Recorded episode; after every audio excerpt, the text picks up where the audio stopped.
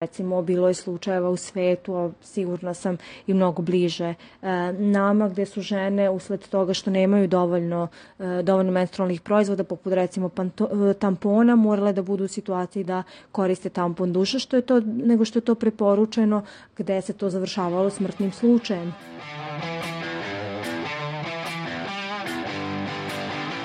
Polovinu čitave naše planete čine žene. Ta polovina stanovništva u jednom trenutku svog života, najčešće između 9. i 16. godine, prvi put dobije menstruaciju koja u proseku traje 40 godina. Ako ste žena, znate šta znači 40 godina jednomesečno dobijanje menstruacije. I ako ste žena, znate koliko to bolno i naporno ume da bude. A kada svemu dodamo tabu, stigmu i enormne količine novca koje trošimo na higijenske proizvode za ove potrebe, agonija postaje još veća. Slušate podcast na zdravlje. Moje ime je Nikolina Ilić i sa mnom ćete u narednih nekoliko meseci učiti o zdravlju. U ovom izdanju ginekološkinja Radmila Stanković objasnit će vam šta je menstruacija, zašto boli i kako da znamo koji proizvod za menstrualnu higijenu je najbolji za nas. Istraživačica i aktivistkinja Dušica Stojadinović ispred Gender Knowledge Huba pomoći će nam da shvatimo šta je menstrualno siromaštvo, kako da se izborimo sa ovim fenomenom i zbog čega bi smanjenje PDV-a na higijenske uloške i tampone bila jedna velika pobeda za sve žene. Kako se 28. maja obeležava dan menstrualne higijene, Gender Knowledge Hub je organizovao događaj koji se zvao Koliko te košta pol u cilju podizanja svesti o menstrualnom siromaštvu i problemu nedostupnosti menstrualnih proizvoda. A da li znate zašto je baš ovaj datum izabran kao svetski dan menstrualne higijene? Simbolika broja 28 leži u jednom vrlo jednostavnom odgovoru. Prosečan menstrualni ciklus traje 28 dana. A zašto baš maj? Maj je peti mesec, a menstrualno krvarenje traje u proseku 5 dana. Ja sam 28. maja 2022. u Dunavskom parku upoznala Dušicu. Popunila anketu i družila se sa ovim divnim devojkama. Ono što mi je bilo interesantno i moram da primetim što me iznenadilo jeste što je dok sam ja bila tamo prišao jedan mladić da popuni anketu. Nije uzeo naravno higijenske uloške koje su devojke delile taj dan, ali se zainteresovao za ovu temu. Baš zbog toga ja smatram da su ovakve akcije izuzetno bitne, jer je ovaj problem mnogo veći od, da ih tako nazovemo, samo ženskih problema. Kako bismo došli do problema menstrualnog siromaštva i pokušali da ponudimo nekakva rešenja, neophodno je da se prvo upoznamo sa menstruacijom. Znam da svi znamo šta je i svima nam je dosta toga što imamo i što je trpimo svaki mesec, ali kada vas neko pita šta se dešava vašem telu tokom menstruacije, da li ste baš sigurne da znate tačan odgovor bez googlanja? Hajde da pitamo ginekološkinju Stanković da nam malo bolje od Google pojasni šta je to. Menstruacija je fiziološka i biološka pojava koja traje nekada i više od 40 uzastopnih godina. E, tokom menstruacije izbacujemo menstrualnu tečnost koju čine sekret i sluz, e, ćelije i parčići sluzokože materice, naravno uz sve to i krv i oni delovi koji deluju kao gušća krv, to su krvni ugrušci zapravo. E, dužina ciklusa uglavnom varira između 20 i 32 dana, ali najčešće je to neki period od 28 dana. E, tokom menstrualnog ciklusa jajna stanica kod žene sazreva u nečemu što mi nazivamo folikulama e, u jednom od dva jajnika, nakon čega kroz jajovod odlazi do materice. Ona se zatim priprema za moguću trudnoću, e, međutim ako ta stanica nije oplođena, opna u materici više nije potrebna, pa ona zajedno sa jajnom stanicom izlazi iz našeg tela. To je odgovor na naše pitanje koliko se samo čudnih i pomalo jezivih procesa dešava u našem telu tokom menstrualnog krvarenja, da nije ni čudo što neke od nas toliko boli. Sledeći put kada vam kažu da se ne prenemažete jer ste dobile, a vi im pustite ovaj deo u kome nam ginekološkinja objašnjava šta je zapravo menstruacija. M će da se izgube posle prve rečenice, M sigurno više neće govoriti da izmišljate bolove. A sad malo statistike o kojoj rijetko kad zapravo i razmišljamo. Iako vam se čini kao da je mnogo više, žena tokom jednog menstrualnog krvarenja izgubi 30 do 40 ml krvi, što je jednako količini od dve ili tri supene kašike. Sada će muškarci reći ponovo da preuveličavamo bol, ali ginekološkinja će nam objasniti zašto nas onda toliko boli. Takođe, kada žena ima obilne menstruacije, ta količina je veća i kreće se negde u proseku od 60 do 80 ml mesečno. Prosečan period krvarenja traje od 2 do 7 dana, a sve preko toga se ne može nazvati prosekom. Kada menstrualno krvarenje kasni ili kada traje duže od uobičajenog, telo nam šalje signale da nešto nije ok i da treba da potražimo pomoć.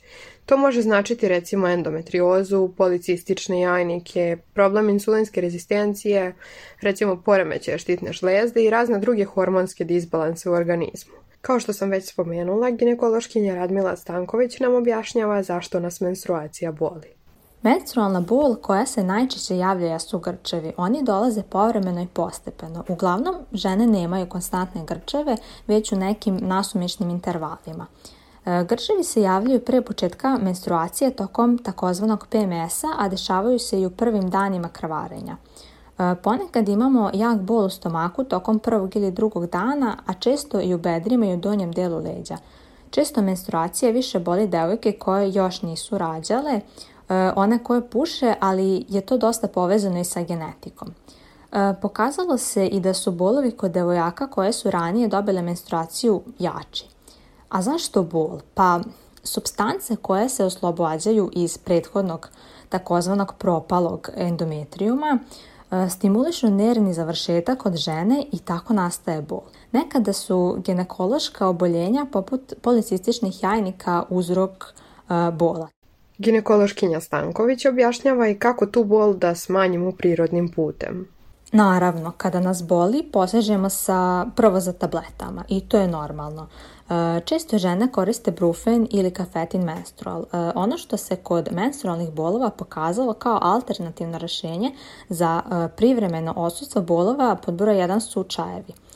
Čaj od nane kao broj 1, zatim brusnica, džumbir, neven, cimet i hajdučka trava. Ono što ja radim kada imam menstruaciju jeste kuvanje tih čajeva, ali ne onih iz kesice, već pravih i zdrave hrane. E, onih što same kuvamo. Takođe oblake, tople obloge oko stomaka. E, pomaže takozvana fetus poza takođe e, kada se sklupčate sa oblogom oko stomaka. E, često mi žene kažu da im pomaže kuvano vino, međutim ja ne bih preporučila alkohol u ovakvim situacijama jer alkohol dovodi do toga da se menstrualna krv zgusne pa se time otežava njeno e, isticanje iz organizma. E, bolje popite nanu nego vi. U poslednjih nekoliko godina često čitam sastave proizvoda koje kupujem. Naravno da ako izbegavam šećer, tražit ću proizvode koji u sebi nemaju mnogo ili nemaju uopšte šećera. Isto tako i sa kozmetikom. Za kosu tražim proizvode bez sulfata i parabena jer su mi tako rekli da treba. Kada biram kremu za lice, tražim one koje recimo nisu ispitivane na životinjama, koje nemaju plastiku u sebi, bez alkohola su i slično. Ali moram da priznam ona mala slova na poleđini kesice od uložaka ni ne čitam. Pre neki dan sam videla tekst o tome kako najčešće na uložcima zapravo ni ne piše od čega su napravljeni. Da li je to uopšte dozvoljeno?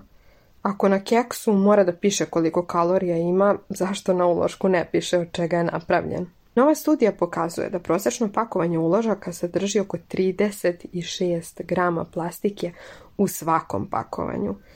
To vam je jednako količini plastike koja se nalazi u pet plastičnih kesa. Da li ste svesne koja je to količina? I ta količina plastike dolazi u direktan dodir sa našim intimnim područjem. A to intimno područje koje ću zamislite nazvati vagina jer mu je to ime, najbrže apsorbuje materijale u sebe. Ovaj podatak znači da svaki pojedinačni uložak sadrži 2,4 grama plastike, kao i dodatnih 2,5 grama plastike u plastičnom omotu. Znači štetimo svom zdravlju i zdravlju životne okoline.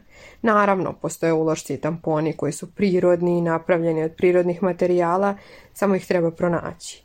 Tu se postavlja i pitanje njihove dostupnosti, odnosno snabdevenosti prodavnica ovom vrstom proizvoda, ali i o financijskoj dostupnosti, jer su vrlo često prirodni proizvodi skuplji. Pored tampona i uložaka, jedno od sredstava menstrualne higijene su i čašice. Ja lično nisam nikada čula da ih neko iz moje okoline koristi. Ne znam da li je tu problem u tome što za uloške i tampone imamo komercijalne sadržaje svuda, a recimo o čašicama možemo da saznamo na internetu ili kod ginekologa. Ili je problem u tome što su nove, pa ne znamo dovoljno o njima.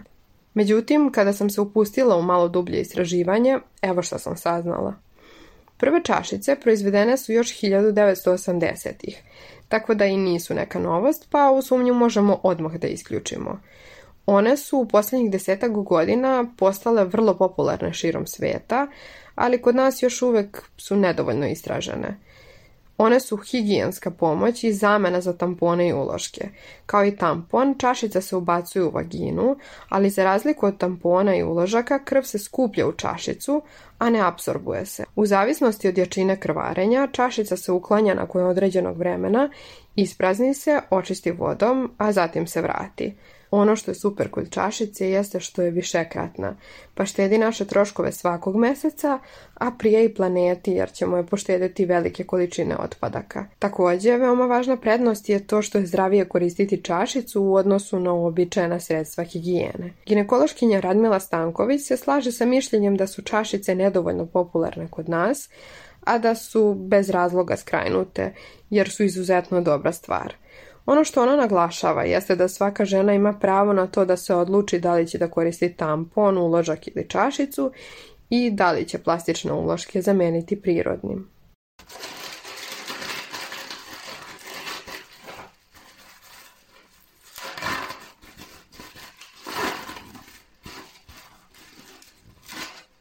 Da li se nekada desilo da nemate dovoljno novca da kupite uloške? Pa, nekada mi se dešavalo da nemam dovoljno novca za uloške, ali mislim da je odlično što se sad oni mogu na mnogo mesta naći, pa tako i na našem fakultetu.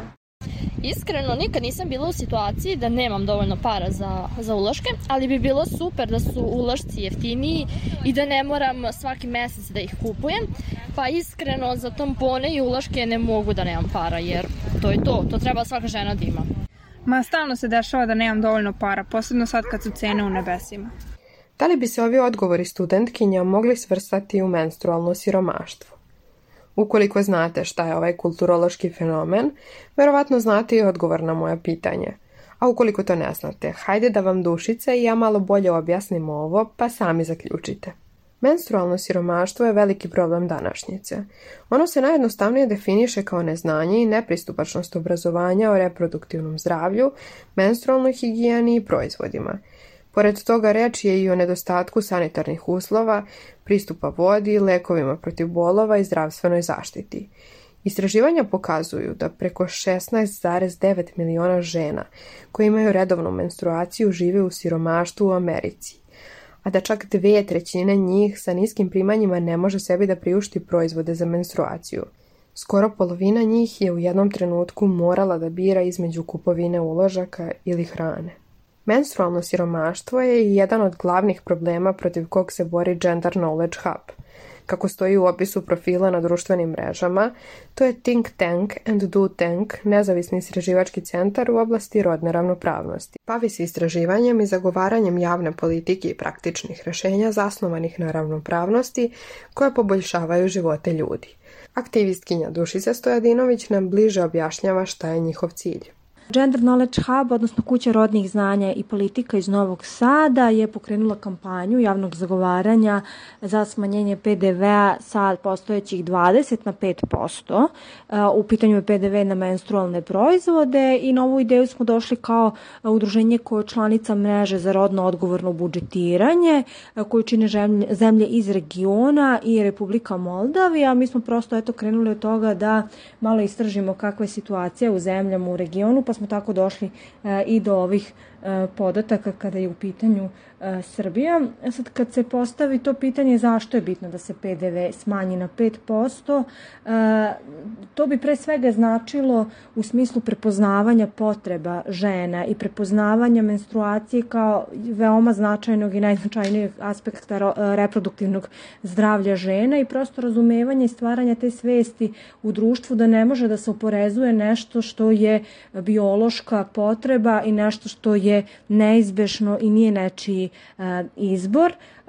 Ovo radimo pre svega zbog toga i mislimo da je značajno zato što javne politike su većinom ovakve koje oporezuju nešto što nije izbor i nešto što je biološka potreba, a, nisu, one su tačnije rodno su negativne a, i ovo je značajno a, da bi se prepoznale potrebe žena kao nešto nešto značajno i da bi se smanjio finansijski jaz koji postoji između muškaraca i žena i u ovom, u ovom pogledu. Izveštaj Populacionog fonda Ujedinjenih nacija pokazuje da tabu teme u vezi sa menstrualnim ciklusom mogu da doprinesu jačanju rodno zasnovane diskriminacije, jer održavaju ideju da su žene i devojčice tokom ciklusa nečiste. Kada se ta sramota pomeša sa siromaštvom, situacija ugrožava živote žena. Svetske studije ukazuju na vezu između ciklusa i izostanka iz škole i gubitka posla – Žene širom svijeta imaju ograničen pristup sanitarnim prostorijama u školi i na radnom mestu. Zbog odsustva bezbednih ili odvojenih toaleta, mnoge devojčice ne idu redovno u školu. Jedna od deset devojčica u Africi propušta školu tokom menstrualnog ciklusa, što može da dovede do toga da devojčica napusti školovanje, a samim tim bude u većem riziku da kao dete uđe u brak. Podatak da je u mnogim zajednicama prva menstruacija povezana sa spremnošću za brak povećava rizik od trudnoće tokom adolescencije i drugih ishoda koje podrivaju ljudska prava devojčica. I od toga mi se plače. I aktivistkinja Dušica se slaže sa time da je ovo direktno kršenje prava žena. Što se tiče radnih mesta i prosto prilagođenosti radnih mesta i prostora za obavljanje menstrualne eh, higijene, da, to se, pošto nisu prilagođene, može se smatrati diskriminacijom, zato što ako uzmemo u obzir da menstruacija nešto što je prosto neizbešno, možemo da zamislimo kakva bi bila situacija da jednostavno na radnim mestima nemamo bezbeđene toalet papire, tečnu vodu i ostalo za brigu u sobstvenoj higijeni. Tako da ako posmatramo tako kao nešto što postoji kao realna potrebna i nešto što je neizbežno, naravno da možemo da posmatramo uh, i tu situaciju da, da, da radna mesta nisu prilagođena za obavljanje e, menstrualne higijene, možemo da naravno da posmatramo e, i ovo diskriminaciju. Kako istraživačica i aktivistkinja Dušice ističe, podaci o menstrualnom siromaštvu u Srbiji još uvek zvanično ne postoje, ali postoje podaci koji pokazuju koliko je žena u nekim državama u regionu u riziku od menstrualnog siromaštva. Možemo da e, navedemo istraživanje koje je sprovedeno u Republici Hrvatskoj e, u februaru 2021. godine, gde je trećina žena rekla da je prisiljena da štedi kako bi se i bi priuštila osnovne potrepštine za menstrualnu higijenu, dok čak 10% Uh, ove proizvode ne, bi, ne, ne može sebi uopšte da priušti. Sad ako imamo u vidu i to da je Srbija možda kaska uh, što se tiče neki, nekih e, ekonomskog konteksta, kao i u situaciju usled inflacije, možemo da kažemo da se ovi podaci te kako mogu primeniti i posmatrati i, i u kontekstu Srbije i u toga koji je procenat žena u riziku od menstrualnog siromaštva. A kako to menstrualno siromaštvo utiče na naše reproduktivno zdravlje? Pa o tome nam govore i ti neki podaci o kojima možemo posredno da zaključujemo. Recimo, ukoliko su žene u situaciji da ne mogu adekvatno, odnosno redovno da menjaju menstrualne proizvode sa toga što nemaju dovoljno, a to naravno može e, negativno da utiče na menstrualno zdravlje i reproduktivno zdravlje po pitanju higijenje. Recimo, bilo je slučajeva u svetu, a sigurna sam i mnogo bliže e, nama, gde su žene usled toga što nemaju dovoljno, e, dovoljno menstrualnih proizvoda, poput recimo tampona, morale da budu u situaciji da koriste tampon duša, što je to, nego što je to preporučeno, gde se to završavalo smrtnim slučajem. E, smrtnim slučajem e, žena, takođe veliki broj žena koje nisu u situaciji da uopšte priušte menstrualne proizvode, e, koriste improvizovane materijale poput krpa, vate, što takođe nije, nije higijenski i može naravno loše da utiče na reproduktivno zdravlje i zato je donekla ova oblast menstrualnog siromaštva i menstrualne higijene, oblast reproduktivnog zdravlja u Republici Srbiji kojom zapravo treba da se bavimo kad se bavimo reproduktivnim, reproduktivnim zdravljem e, žene. Kao što sam vam već mnogo puta rekla, a reći ću još mnogo, menstruacija je tabu. Tabu je jer se smatra da smo tada nečiste. Partnerima smo manje privlačne jer je to nešto što je grozno. Ulošci i tamponi se kriju, a kada ih nemamo šapućemo drugaricama da ih pitamo da li one slučajno imaju da nam pozajme, jer to je nešto o čemu se ne priča. A baš manjak te priče dovodi do ovoga o čemu pričamo. Manjak informacija vodi nas u menstrualno siromaštvo. I šta ćemo sad? Detabuizacija menstruacije kao teme je svakako jedan od, kako da kažemo, pod ciljeva i užih ciljeva naše uh, kampanje javnog zagovaranja, zato što prosto želimo da stavimo menstruaciju kao temu u javni prostor. Uh, svi znamo i svi smo upoznati sa tim da menstruacija počne da se stigmatizuje i da postaje tabu tema od najranijih uzrasta, od kako uh, devojčice dobiju prvu menstruaciju, dakle još u osnovnoj školi stvara se prosto to neko razdvajanje, nerazumevanje i prosto posmatranje menstruacije kao nešto, nečeg što je isključivo žensko pitanje i upravo kažem ova kampanja jeste jedan od načina da se ovaj da se menstruacija da, da prestane da bude tabu tema, a takođe naravno da bi da bi neke promene pri, u, obrazovnom sistemu, u školama, dodatna edukacija i dečaka i devojčica do ovim teme bila veoma značajna kako bi se kasnije, kako bi prosto menstruacija bila destigmatizovana i ne bi bila tabu tema, naravno. Menstruacija nije bolest. Menstruacija nije tabu. Menstruacija nas ne čini prljavim. Menstruacija nas ne čini manje lepim. Menstruacija je naša biologija. Menstruacija je proces zbog kog postojimo. Menstruacija nije sramota. Menstruacija je bolna. Menstruacija ne treba da bude ovoliko skupa. Menstruacija su snažne žene. Ovo su neke od poruka koje bismo mogli da izvučemo iz toga što su nam u ovom izdanju govorila Dušica i Radmila. Ono što je takođe bitno jeste razbiti ovu stigmu.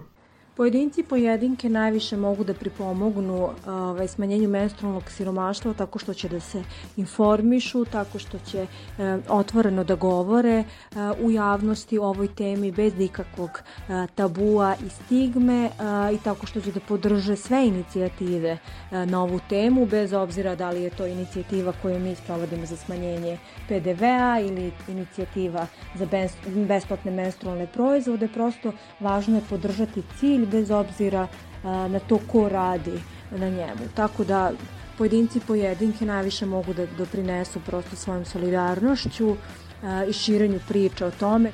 Slušali ste podcast na zdravlje.